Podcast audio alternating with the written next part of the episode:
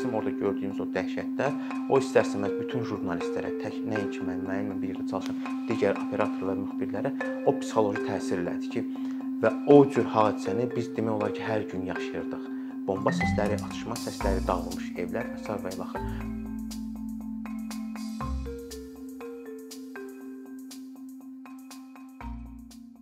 2012-ci ildə artıq fotoqrafiyaya peşəkar olaraq bu sahəyə yönəldim.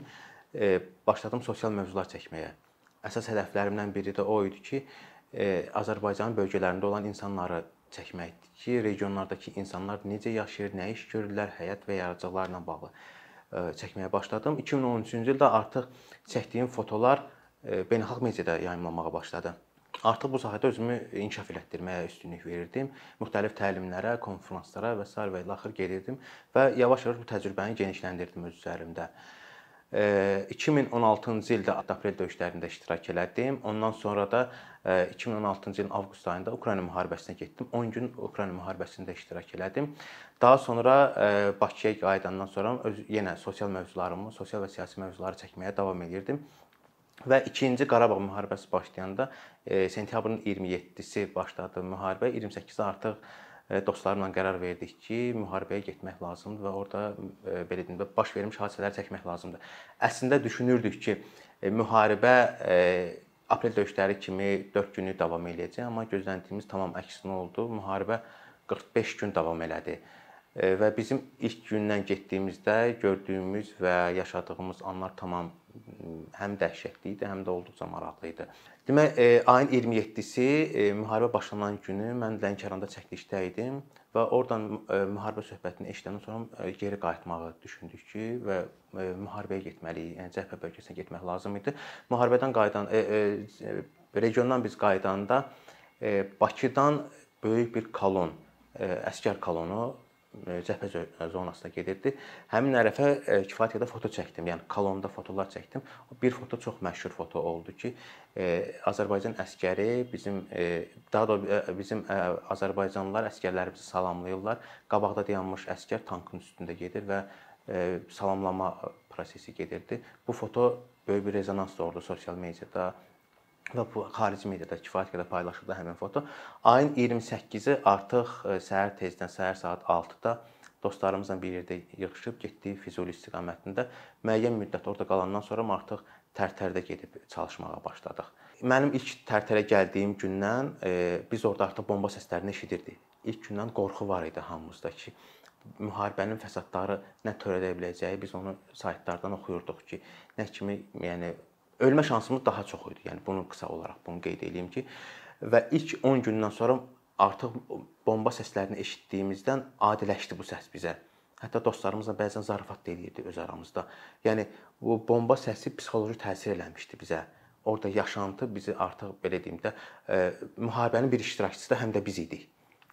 Zaman-zaman artıq bu səs bizə tam adiləşdi. Yəni səhər durub bomba səsi eşitmədiyimiz gün deyirdi ki, nəcəb atmırlar bu ilə dururduq ki, nə əcəb, nə yaxşı günəş çıxdı amma atmadılar.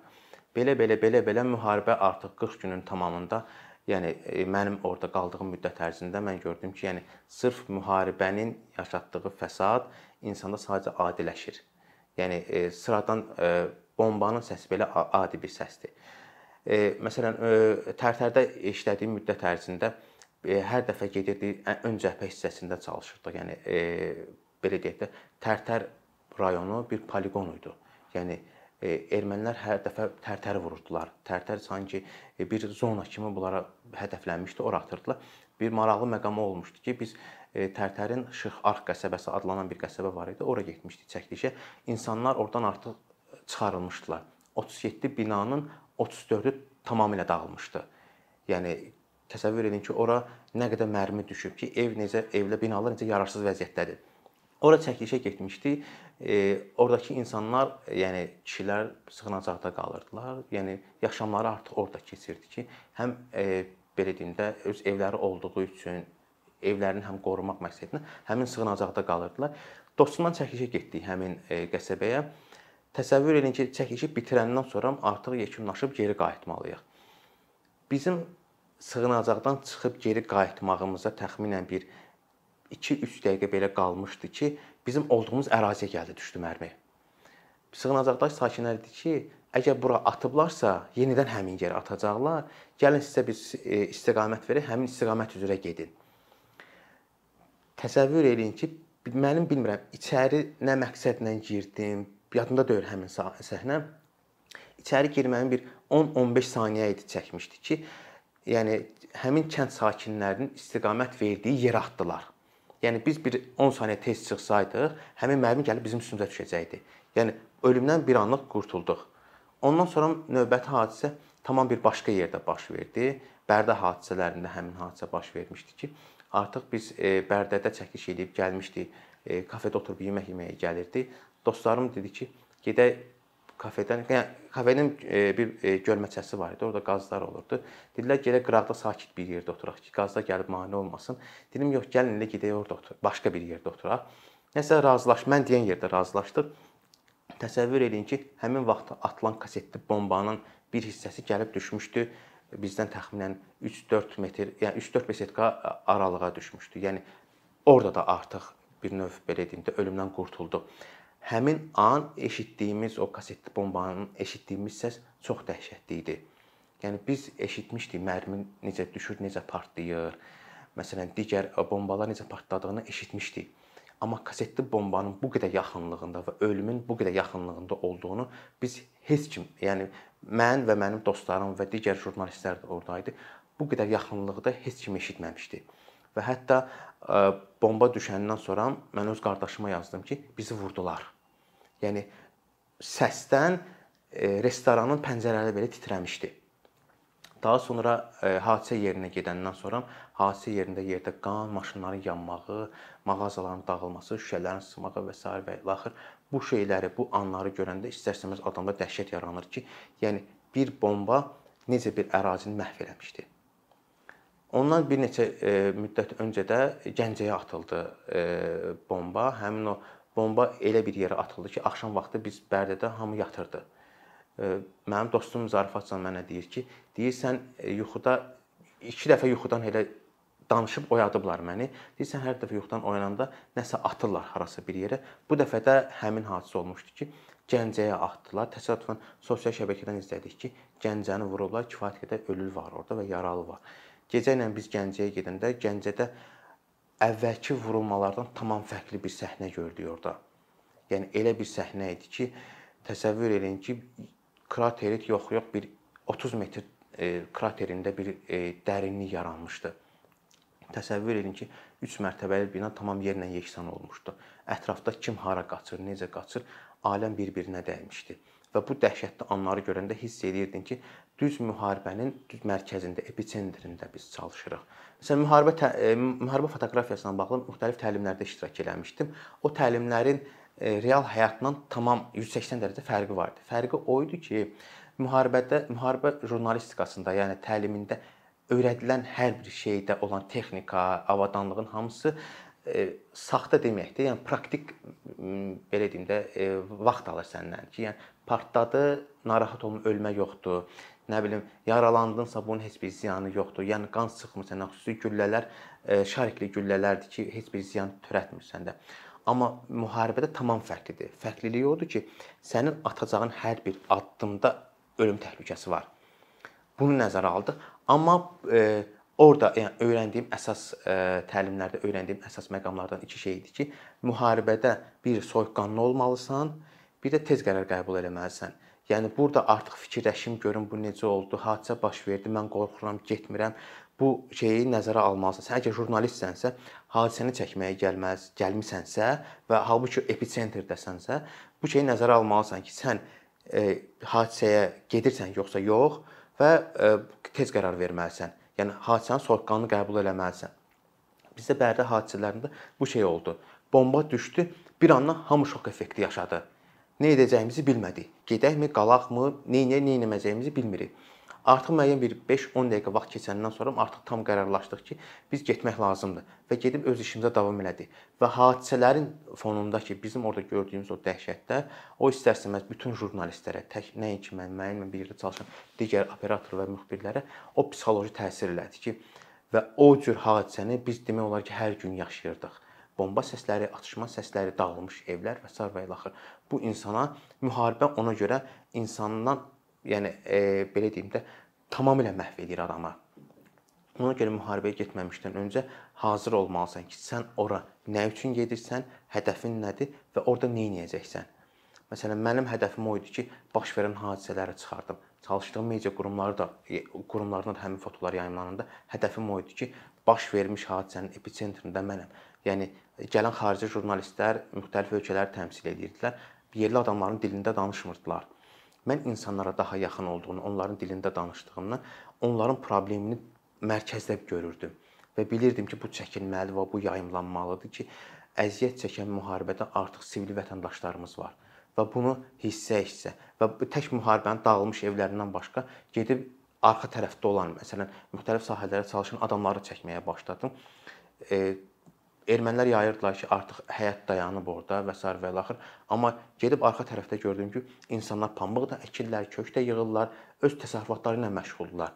Yəni e, Azərbaycanı qorxaq adı adına qoyub e, təbliğ eləmək bu düzgün deyildi. Gedib orada fərqli şeylər gördük ki, insanlar yaşayırlar. Düzdür, Tərtərin özündə insanlar tərk eləmişdi ki, yəni artıq insan çıxartmışdılar Yəni e, bəzi kişilər qalmışdı orada ki, o da evlərin təhlükəsizliyi baxımından da, hətta onlar özləri bizlə zarafat edirdilər ki, indi birazdan atacaqlar. Sonra məsələn nahar vaxtına getmişdilər ki, indi nahardadılar, gözəl nahardan sonra atacaqlar və həqiqətən də elə şeylər baş verirdi. Və hər dəfə o sığınacaqlara girəndə insanlar deyirdi ki, çox çəkmir bunların ki, yəni dağdan dağıdıb. Sonra bir müddət sonra atəşkəs elan olunan sonra həmin evlərə getdi. Evlərin içini gördü dedi ki, bu evlərdə, yəni istənilən bir adam burada qalsaydı, yəni ümumiyyətlə qalmağı düşünsəydi, burada qalsaydı nələr baş verərdi? Təsəvvür edin ki, bomba gəlib evin içinə girib. Yəni evdə böyük bir dəlik yaranıb. Yəni bu bu dəhşətli bir şeydir də və hətta mən o ilk dəfə həmin Şırx Arx qəsəbəsində olanda mərminin düşmə anını gördüm. Yəni o heç bir şeylə müqayisə olunmur. Yəni orada yaşadığım 40 günün hər bir saniyəsi, hər bir dəqiqəsində yaşadığım anlar çox dəhşətli idi. Yəni sadəcə onu e, danışmaqla insana çatdırmaq çox çətindir. Orda çalışdığım müddət ərzində artıq müəyyən müddət sonra dostlarımız dedi ki, biz artıq Bakıya qayıtmalıydıq. Yəni mən də düşünürdüm ki, Bakıya qayıtmaq lazımdır, amma bir anlıq fikrim dəyişirdi ki, getsəm Bakıda birdən hadisə olar və mən bu hadisənin episentrində yayınmağım nə qədər doğru ola bilər. Hətta vicdan əzabı çəkərəm ki, hadisə baş verdi və mən orada olmadım. Və biz müharibəyə gələn günü düzdür fikirləşmişdik ki, müharibə maksimum 3-4 gün çəkər. Ona uyğun özümüzü yəni üstümüzdə pul o qədər götürmüşdük, hətta paltar belə götürməmişdik ki, 3-4 gündən sonra geri qayıdacağıq. Amma müharibənin 40 gün davam eləməyi onu göstərdi ki, yəni müharibə yəni 3-4 gün deyil artıq. Yəni 3-4 gündən sonra biz daha çox davam eləyəcəyini düşündük və orada qaldıq. Və dostlarım geri gedib Bakıya e, Bakıya qayıdıb ondan sonra geri gələndən sonra özləri deyirdilər ki, geri getmək lazım deyil. Yəni geri qayıdıb təzədən işləmə, yəni müəyyən vaxt alır ki, sən təzədən həmin belə deyim də səviyyəyə gəlib çatasan. Yəni hamı artıq müəyyən enerji ilə işləyir və sən gedib Bakıda istirahət eləmisən, artıq müəyyən bir enerjin aşağı düşüb və təzədən gəlib digər uşaqlara qoşulmağın biraz vaxt alır. Ona görə düşündüm ki, həm hadisənin mərkəzində olum və bu hadisələri qaçırmayım, həm də geri gedib istirahət eləmək, bilirdim ki, onsuz da gec-tez bu müharibə bitəcək gedib rahat istirahət eləmək vaxtım olacaq. Amma bu hadisələrin hamısı çəkmək lazımdır ki, müharibə, bu Qarabağ müharibəsi ön planda olmalıdır ki, burdakı proseslərin hamısı, yəni ictimaiyyətə təqdim olmalıdır. Mediada, mediaların hamısında yayımlanmalıdır. Məsələn, mən o müharibədə bir dənə səhvə yol verdim. Onda artıq çox yorulmuşduq. Səbəb o idi ki, Gəncə hadisələri idi bu yeni hadisə. Biz demək olar Tərtərdə, Tərtər Ağdam istiqamətində işləyəndən sonra gec qayıtdıq otelə təxminən 1 saat ya yatmışdıq, ya yatmamışdıq. Yəni bizim fiziki yorğunluğumuzdan başqa zehni yorğunluğumuz çox idi. Yəni hadisə eşidirsən, bomba səsi, insanların ağlamağı, dağıntı hadisə. Bu istərsəməz sənin psixologiyaya təsir eləyir. Bizim otelə gəlməyimiz, gəldi, deyirəm də fotoları artıq işləyirdi ki, əməkdaşlıq elədiyimiz media qurumlarına göndərirdik. Bundan sonra biz cəmi 1 saat ya 2 saat yatdıq maksimum. Yəni mən o qədər yata bildim. Dostlarım da təxminən mənimlə eyni yatdı. Gəncə hadisələri baş verdi. Biz Gəncəyə getdik. Gecədən səhərə qədər orada qaldıq. Və o qədər halsız idik ki, hava da çox soyuqdu, branşletlə idi. Və mən orada bir yer tapdım, orada yatmağa məcbur oldum ki, çox yəni artıq hərəkət eləyə bilmirəm. Orada yatdım, səhər durdum, artıq çəkilişlərimizi eləyib qutarandan sonra bir an artıq beyin işləmirdi orada. Dostlarım dedi geri qayıdaq. Mən dedim ya geri qayıdaq da. Amma təlimlərdə də onu öyrənmişdim ki, hadisə tamamlanmalıdır. Hadisə burada, yəni insanlar artıq dəfnə gedəcəklər. O dəfn prosesi çəkilməli idi. Mən o dəfn prosesini buraxmışdım. Yəni orada ölən uşaq və sair və ilaxır bu çəkilməli idi. Bir neçə şeyi orada mən buraxmağım onu göstərdi ki, yəni yorğunluq aydın məsələdir də, hamı fiziki olaraq yorula bilər də, amma hadisənin davamlı olaraq bu çəkilməli idi. Bunu çəkə bilmədim. Onu digər xarici bizim jurnalistlərimiz çəkdilər. Azərbaycan jurnalistlərini heç kəs çəkə bilməmişdi. Çox təəssüf o həmin hadisələri və hadisələrdən geri qaldıqca özünü hiss bir növ məsələn vicdan əzabı çəkirdim ki, bu informasiya artıq insanlara çatmadı. Yəni mən ötürə bilmədim bu məlumatı. Ona görə maksimum çalışırdım ki, hadisənin episentrində baş vermiş hadisələrin e, belə deyim də əsas məqamları mütləq çatdırmalıyam. Fotoqrafiyanın əsas belə qanunu var ki, fotoqraf digər insanların görmədiyi anları göstərməlidir. Müharibədə də bu faktor əsas idi. O idi ki, hadisə baş verən an fotoqraf hadisəyə gedib çəkəcəksə, orada nəyə üstünlük verməlidir? Yəni getdim adamı çəkdim, gəldim prinsipi olmamalıdır və ya getdim mərmini çəkdim, dağılmış evi çəkdim prinsipi olmamalı idi. Məsələn, mən özümdə bunu qoymuşdum ki, elə anı çəkməliyəm ki, bunu digər insanlara daha rahat göstərə bilim ki, bu insanlar görmürlər. Onsuz da e, Bakı və digər regionlarda olan insanlar hadisənin mərkəzində deyildilər. Operatorların, fotoqrafların gördüyü, çəkdikləri işlərdən görürdülər bunu. Mən çalışırdım daha yaradıcı işə yanaşım ki, problemi daha kökündən göstərə bilim. Əsas hədəf də bu idi. Yəni fotoqrafiyanın əsas hədəfi də bu idi ki, yəni elə anları çıxartmaq lazım idi və onları hissə-hissə çəkirdi. Düzdür, təhlükəsizlik baxımından məsələn deyək də yanğın baş veribsə mən gedim orada yaradıcı kadr axtarmaq prinsipim deyildi. O problemi, ondan yaranan o problemləri göstərmək lazımdır ki, bu hara düşdü və bundan başqa öz təhlükəsizliyimi təmin etməli idim və mən ora gedəcəm yoxsa getməyəcəm. Və o Tərtər hadisələrində e, e, zavoda atılmış, pambıq zavoduna atılmış həmin o bomba ora yanırdı yaxınlaşan o həmin yanğına yaxınlaşanlardan biri mən idim. Ondan sonra digər jurnalistlər gördü ki, bir nəfər yaxınlaşsa, demək elə bir təhlükəsi yoxdur, mən də yaxınlaşım. Yəni artıq alovla aramızda təxminən bir 100 metr məsafə var idi. İlk bomba, ikinci növbəti bomba atıldı bizim əraziyə. İkinci bomba atılanda artıq biz oranı tərk elədik. Yəni hadisənin mərkəzində olmaqdan başqa, hadisəni çəkməkdən başqa bu bir hadisə həm də biz orada qəhrəman deyildik. Biz orada hadisə, yəni jurnalist oradan hadisə gətirmək üçün gəlib. Yəni mən onu çəkdim və oradan çıxmalıydım. O bomba ora düşəndən sonra artıq biz anladıq ki, burada heç bir yaradıcı işdən görmək lazım deyil. Hadisəni gördün, maksimum imkan daxilində tez çəkib çıxmaq lazım idi hadisədən. Orada qalıb biraz bunu çəkim, biraz onu çəkim. Bilməli idin ki, yəni jurnalistlərin hamısını bu bilirdi artıq bu qaydaları ki, orada yəni hadisə yerində maksimum az qalmaq lazım idi. Çəkdin və geri qayıtmaq lazım idi biraz artıq qalandan sonra həmin əraziyə dəfələrlə atmaq başlayırdı və bu insan ölümünə gətirib çıxarırdı.